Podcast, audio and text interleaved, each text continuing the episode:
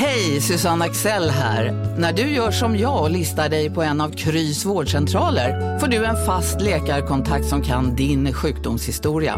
Du får träffa erfarna specialister, tillgång till lättakuten och så kan du chatta med vårdpersonalen.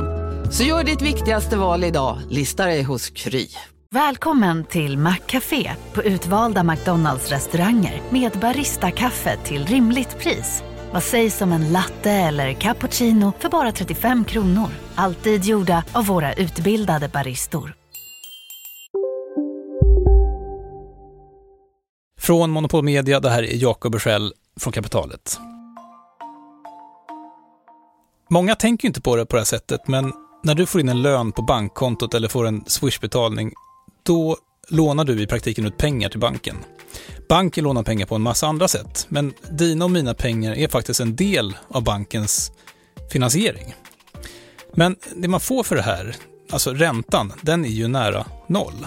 Så låg är ju inte räntan när banken i nästa led lånar ut pengar till folk som ska köpa en ny bostad eller en bil. Och det är ju det här, alltså skillnaden mellan bankens inlåningsränta och bankens utlåningsränta som är bankens intäkt. Och så här har banker tjänat pengar i alla tider, genom att låna billigt och låna ut dyrt. Och det är en väldigt bra affärsmodell. Riskerna är typiskt sett ganska låga och kombinationen av kundernas räntebetalningar och amorteringar skapar en ström av pengar, ett kassaflöde som banken kan återinvestera. Ludvig Pettersson är en ganska normal kille från Gävle som tyckte att det var konstigt att bara banker skulle kunna investera i lån på det här sättet. Om det nu är så lönsamt och bra att investera i just lån som bankerna gör, då borde väl vanligt folk också kunna göra det. Så han startade Saveland och i det här avsnittet ska vi höra Ludvig berätta sin historia och varför han tror att investeringar i lån kommer bli lika vanligt och självklart som att köpa en vanlig fond. Jag ska säga att hela det här avsnittet görs i betalt samarbete med Saveland, som vill att fler människor ska upptäcka att den här möjligheten finns. Så här kommer Ludvig, en kille som växte upp i Gävle alltså. Hans pappa var jurist, mamma lärare. Ludvig själv, han idrottade jättemycket som ung och så spelade han datorspel. Du nämnde att du startat företag tidigt. Vad var mm. det för något? Kort, tjock, datanörd eh, när jag var 11 och älskade att spela Counter-Strike. Det fanns ingen som gjorde att vi kunde umgås på helgerna och spela mot varandra. Och då så fick man starta det själv där också. Och det blev ganska stort. Vi, vi hade typ 10 000 aktiva medlemmar som störst och omsatte några hundratusen med bidrag från staten för att vi engagerade ungdomar att göra bra saker på helgerna istället för att ränna runt och göra dumma saker. Men vad var det för någonting? Det var en eh, kupp och turneringsorganisation för Counter-Strike. Så att vi samlade helt enkelt massa dataspelande ungdomar, 13 till 30 online och så gjorde vi eh, kupper och hade ganska bra priser. Så att de spelade hela helgerna och tävlade mot varandra. Och det här gjorde du på din fritid? Ja, ja. Jag gick väl på eh, mellanstadiet när vi började och en bit in på högstadiet. Men det här driva eget, var det någonting som, som folk gjorde i din släkt eller i din närhet? Ja, min morbror har varit entreprenör, men utöver det, nej. Så att jag har funderat en hel del varifrån det kom, men det är nog bara eh, naivitet och dumdristighet att det måste gå att göra någonting. Och så spelar du poker också. Mm. Hur, hur kom du in på det? Det var ju väldigt hett 2006 och då var jag 15 och fick tillåtelse att eh, låna pappas konto på Svenska Spel. Och vi, vi har mycket kortspel i familjen där eh, pappa har spelat elitserien i bridge och mamma har vunnit SM. Vi borde veta det här, sju, åtta gånger tror jag. Så mycket kortspel men inte poker. Så att steget från dataspel till kortspel var ganska kort och jag fick chansen att prova på och det gick ganska bra från början. Men då spelade du eh, poker på, på datorn då? Yes, precis. Så att eh, on online och spelade väl som mest 18-24 bord samtidigt, så att och klickade. Så man blev van att ta mycket beslut på kort tid, du blev van att hantera risk van att hantera medgångar och motgångar och alltid sträva efter att ta rätt beslut och sen så strunta lite i vad, hur utfallet blev. För att så länge du tar rätt beslut så blir det bra i längden. Men, och det här gjorde du efter skolan eller? Eller, eller istället ja, för skolan? Det, ganska mycket istället för skolan på gymnasiet. Så jag gick ut med eh, stipendium för bästa betyg och mest frånvaro. Så att eh, året efter så ändrade de det här stipendiet till bästa elev och räknade in frånvaron. För det, de tyckte att det sände lite fel signaler att någon som inte var där fick stipendium. Ja, det kan man ju nästan hålla med om. Jag kan hålla med efterhand, men jag var väldigt glad när jag fick stipendiet. Men ge mig en liten inblick i den här världen som, som är helt obekant för mig. När, när du är 15-16 år och spelar poker på nätet, vilka, vilka summor spelar du för? Man började med, den första insättningen var 500 spänn och den gick väldigt fort att förlora. Men därefter så gick, gick det lite bättre och man kunde omsätta några hundratusen om dagen. Så att du sätter in pengar på varje bord och ju fler bord du spelar, desto mer insats blir det totalt sett. Och sen så sitter du och klickar framför datorn i 12-14 timmar om dagen. Så du blev liksom nästan en robot och bara letar efter bästa beslut och sen så är du duktig så blir det stora pengar. Så att jag kom, eh, en bra månad så kunde jag vinna 100 000 eller flera hundratusen och en dålig månad åt andra hållet. Och vad sa dina föräldrar om det här? Ja, de var rätt stöttande för att man, vi hade ganska bra diskussioner kring hur, hur logiken bakom det hela gick till. Att var du en vinnande spelare som tog rätt beslut så blir det bra i längden. Och då handlar det om att få in volym, för då minskar du turelement, eh, eller elementet i det hela. Så att jag, där har jag fått bra stöttning och eh, så länge jag skötte skolan så var det helt okej. Pluggade du sen eller? Ja, och sen efter, efter gymnasiet så var det en del resor och sen kände jag att pokern blev allt svårare och då tänkte jag att jag ska väl göra mamma och pappa nöjd och eh, börja studera. Så då började jag plugga real estate management, typ fast, ekonomisk fastighetsförvaltning uppe i Gävle. Mm, och jag har läst 97,5 poäng tror jag, högskolepoäng. Men sen under tiden så startade jag Sablen och två andra bolag och Sablen tog fart. Så då fanns det ingen tid och då hoppade jag av. Mm. Den här idén eh, till Saveland, var, kom den ifrån? Den kom från min research av vad jag själv ville placera mina pengar. Och så såg jag att det fanns ingen bra aktör i Sverige som gjorde det här. Och eh, då 2013 började väl planeringen och sen blev det lansering i början av 2014. Men du, hade förlorat pengar själv sa du i, i um, på aktier? Precis. Men, men någonstans så måste du fått liksom, idén att man faktiskt kan investera i krediter också. Ja, men precis. Vad, kom den idén? Alltså, ja, men det var mycket research, för jag tänkte att jag, jag förlorade då 40% på några månader och tänkte att det finns ju mycket duktiga investerare som har tjänat mycket pengar över tid och då blev det mycket research. Det, återkoppling till poker så var det mycket tid att studera hur, teori och hur du ska spela. Och, eh, så jag, jag läste på rätt mycket om olika investeringsfilosofier och där dök ja, investeringar i vin upp, whisky, tavlor, men nackdelen med alla de här är att du har ingen kassaflöde i dem. Och jag vill ha kassaflöde och inte behöva realisera min tillgång för att få kassaflödet. Och då var någon av sajterna eller någon av böckerna jag läser så pratar de om, om lån och pratar om banker och sen så att fenomenet peer-to-peer hade tagit fart 2006 i USA lite, eh, och sen samma år i Storbritannien eller vice versa. Och sen så var det på väg ut över Europa men det hade inte etablerat sig, framförallt inte i Sverige. Peer-to-peer, alltså där, där, privatpersoner lånar ut till andra privatpersoner? Precis, det var, mm. det var, det var där vi började. Så, så den här tanken att, att folk ska investera i krediter, det, det är ett begrepp som jag gissar att eh, många har en ganska varierande uppfattning om vad, vad det faktiskt betyder. Ska, ska vi börja där, kanske säga vad en kredit är för någonting? Kredit är ju en, en, ett lån, eh, om man, om man ska göra det en, ännu enklare. Och vi, vi kan ponera att du behöver låna pengar till att köpa en ny bil då kan du antingen gå till din bank och eh, antingen få ett lån eller vänta ganska länge eller så kan du gå till någon av onlineplattformarna som erbjuder det. Och då är en del av dem peer-to-peer, vilket innebär att du går igenom en kreditbedömning, men sen när du ska få dina pengar så lånar, eller plattformen administrerar det så att du lånar av andra privatpersoner. Många företagare har ju säkert någon gång fått frågan från någon lite butter bekant att, att om det är en så bra idé, varför har ingen gjort det tidigare? Så, så, så om det nu var en bra idé att investera i krediter, varför har folk i Sverige inte gjort det eh, tidigare? Folk i Sverige har inte gjort det, men bankerna har gjort det i flera hundra år. Så det är egentligen den idén där vi har tagit bort banken ur ekvationen. Eller snarare vi låter privatpersoner få den räntan som bankerna tidigare tagit. För när du sätter in pengar till banken på ditt sparkonto, då äger ju banken de pengarna och lånar ut dem i sitt namn.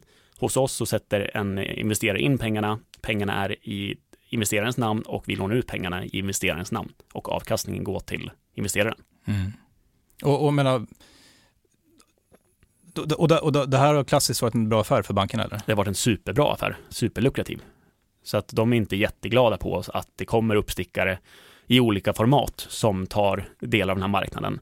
Och sen ska det också sägas att eh, större delen av vår portfölj är mot fastighetskrediter och där har bankerna fått mycket svårare att låna ut på grund av ökade regelverkskrav och att det är mycket dyrare för dem att kapitaltäcka det. Så att där har det öppnats upp en enorm möjlighet för privatpersoner att få exponering som tidigare bankerna totalt ägde.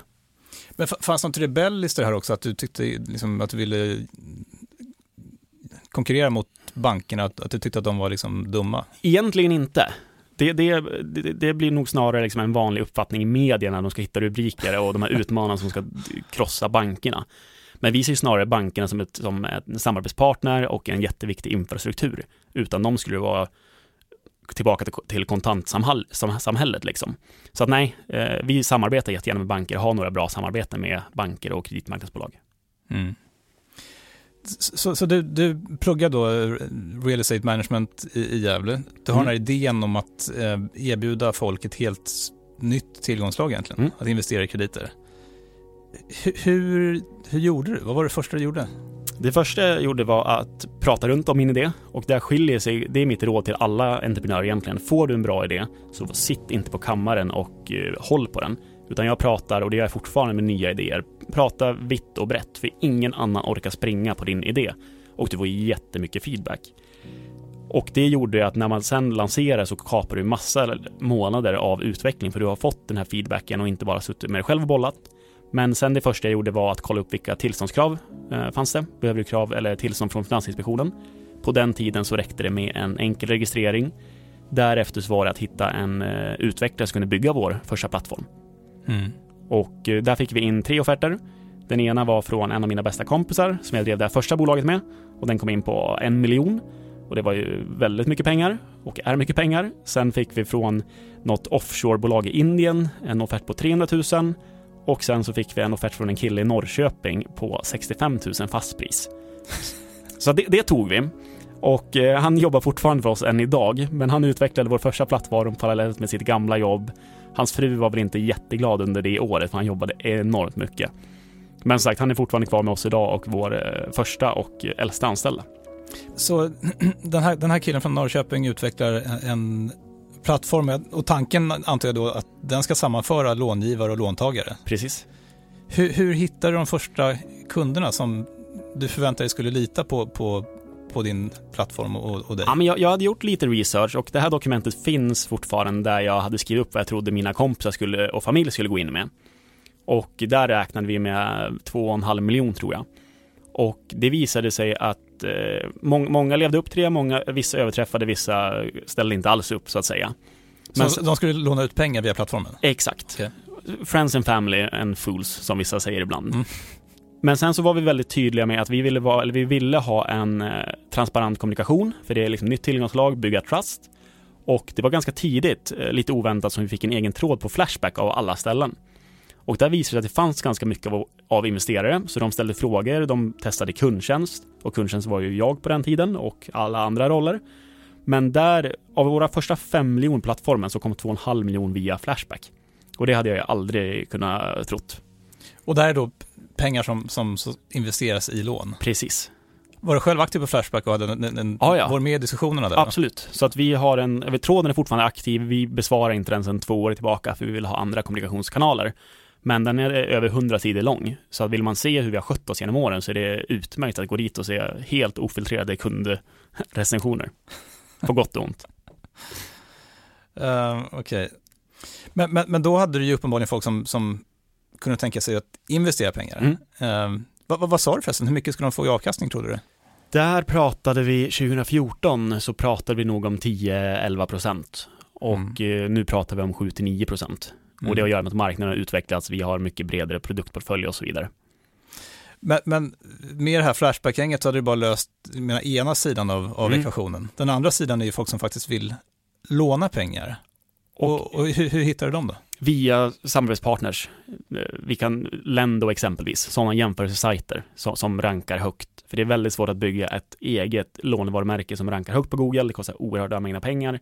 Så att du använder ofta jämförelsesajter och går går den vägen. Men fanns det sådana sajter på den tiden? Ja, men de var inte alls lika etablerade. Så det hade säkerligen varit mer lukrativ business att starta en sån 2014 än, än en peer-to-peer-sajt. Men så, så, ganska tidigt har du långivare eh, eh, som lånar ut pengar och låntagare. Och låntagare som lånar pengarna. Yes. Men, men det svåra med att bedriva en marketplace som det här ändå är, är att du hela tiden har en balansgång. Får du för mycket långivare eller investerare, då har du pengar över som inte förräntas och har du för mycket låntagare som inte får investerat kapital, ja men då får du sura låntagare.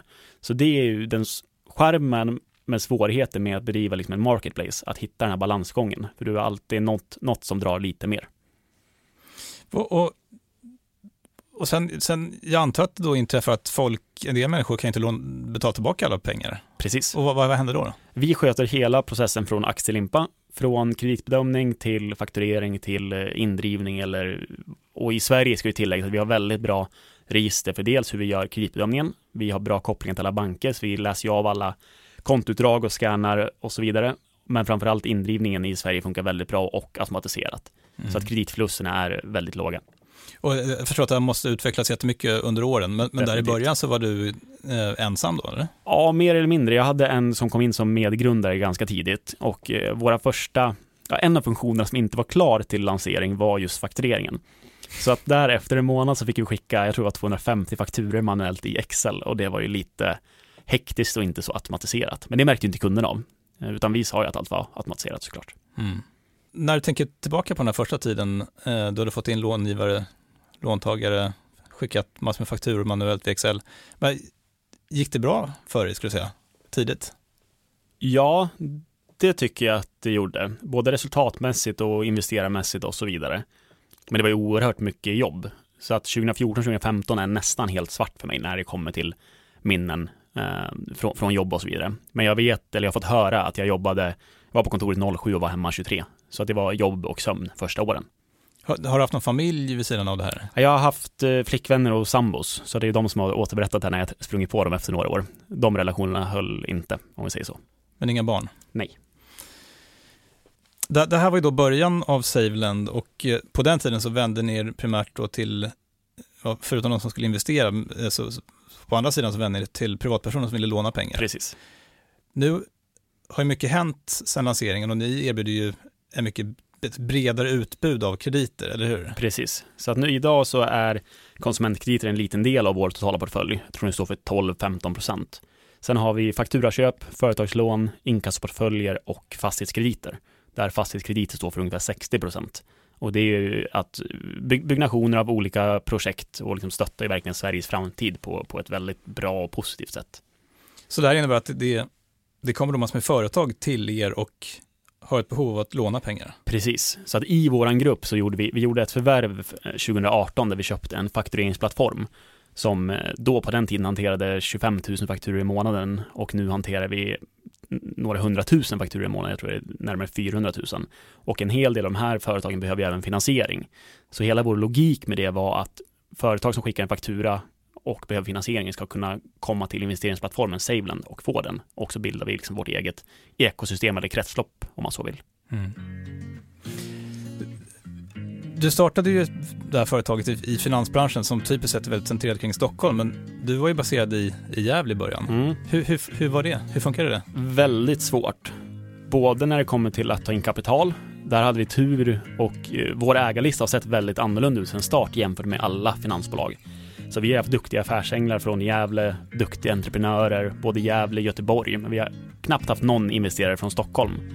Och ser man på personalsidan så var det ju stört omöjligt att kunna rekrytera och växa. Och vi hade några annonser ute där det enda ansökningen vi fick var från eh, a-kassa mer eller mindre. Det stod du behöver inte läsa mitt CV, jag vill bara ha mina aktivitetspoäng eller vad det nu heter på heter där. Mm. Och till slut så, så fattade du beslutet att flytta Savelen till, till Stockholm? Precis, och jag tror att det var 2017. Och det var klokt beslut, väldigt dyrt sett till eh, bolagets ekonomi, men det gjorde, gav oss möjligheten att eh, verka som är, ändå är finanshjärta någonstans. Du behöver springa runt kring Östermalm och ha dina möten med rådgivare, både finansiella, legala, hitta investerare och så vidare. Så det hade varit mycket svårare tyvärr att driva bolaget i och från Gävle. Mm. Och hur var det då att komma till Stockholm? Stort. Och det tycker jag fortfarande. Jag har väl precis lärt mig hitta kring gatorna där jag bor, men eh, det är ju brutalt stort jämfört med lilla Gävle. Mm.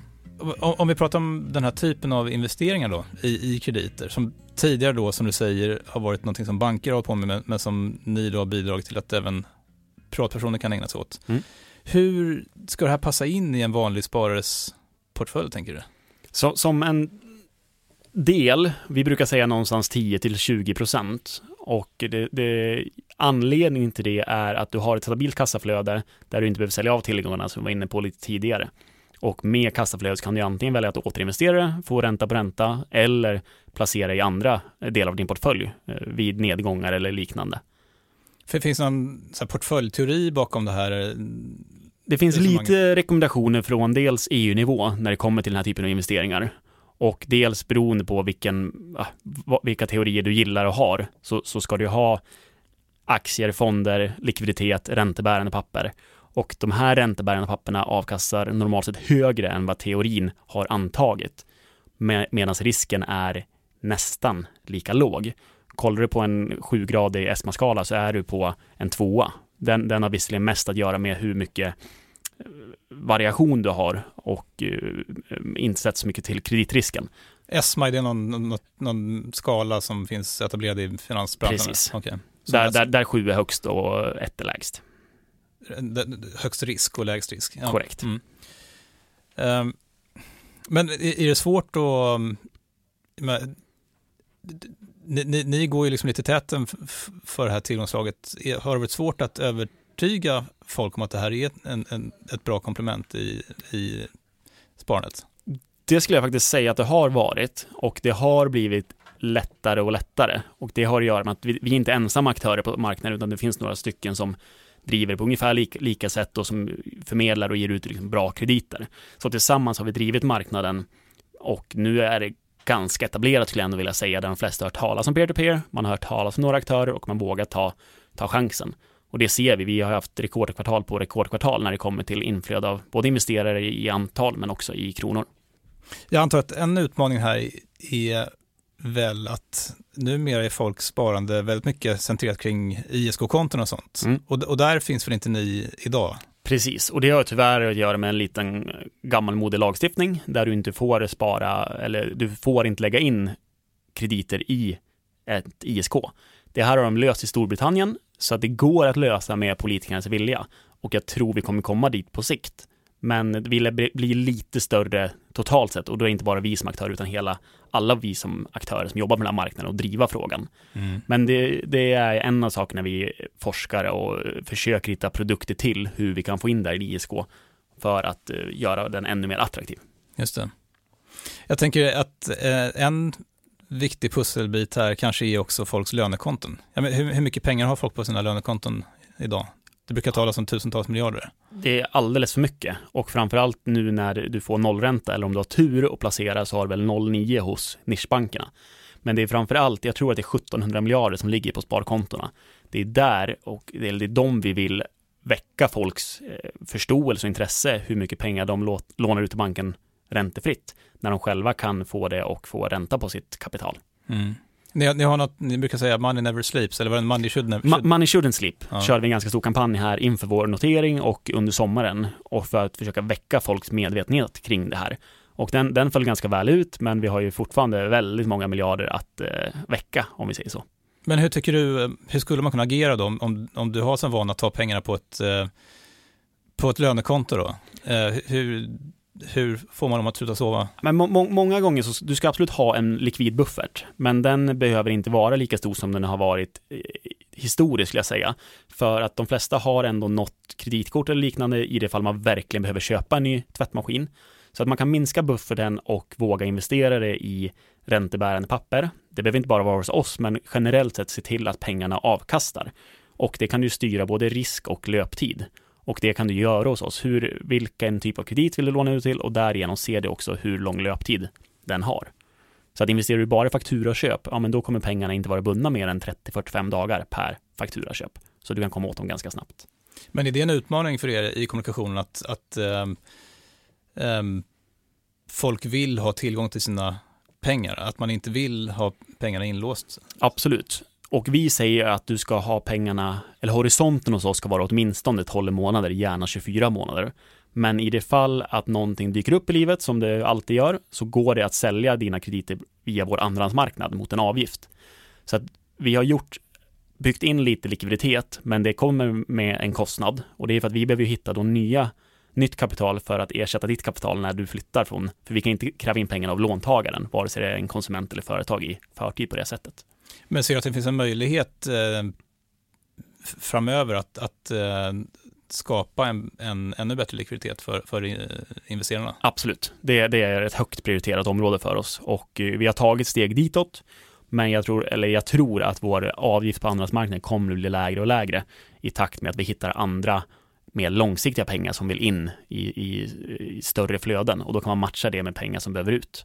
Och hur, hur ser din vision ut av hur det här tillgångslaget bör fungera? Visionen är att SaveLend ska erbjuda exponering mot kreditmarknaden där vi just nu gör det via peer-to-peer. Men det viktiga är att vi erbjuder exponering mot krediter och inte exakt hur vi gör det. Så paketeringen kommer kunna ändra sig om ett, tre, fem år. Så länge vi blir det naturliga tredje alternativet, aktier, fonder, krediter, då har, har vi lyckats. Men, men, tänker du att i framtiden kommer du kunna i princip eh, stoppa in och ta ut pengar på sånt här konto med samma enkelhet som, som du eh, använder ett vanligt bankkonto? Är det möjligt det, att komma dit eller? Det är möjligt att komma dit, men jag vet inte om det är eftersträvansvärt. För någonstans ska du också ta, ta betalt för både risken och likviditetsrisken. Så jag tror att det kommer vara svårt, men säg att komma ner på 30, 60, 90 dagar för hela ditt kapital, det tror jag är möjligt.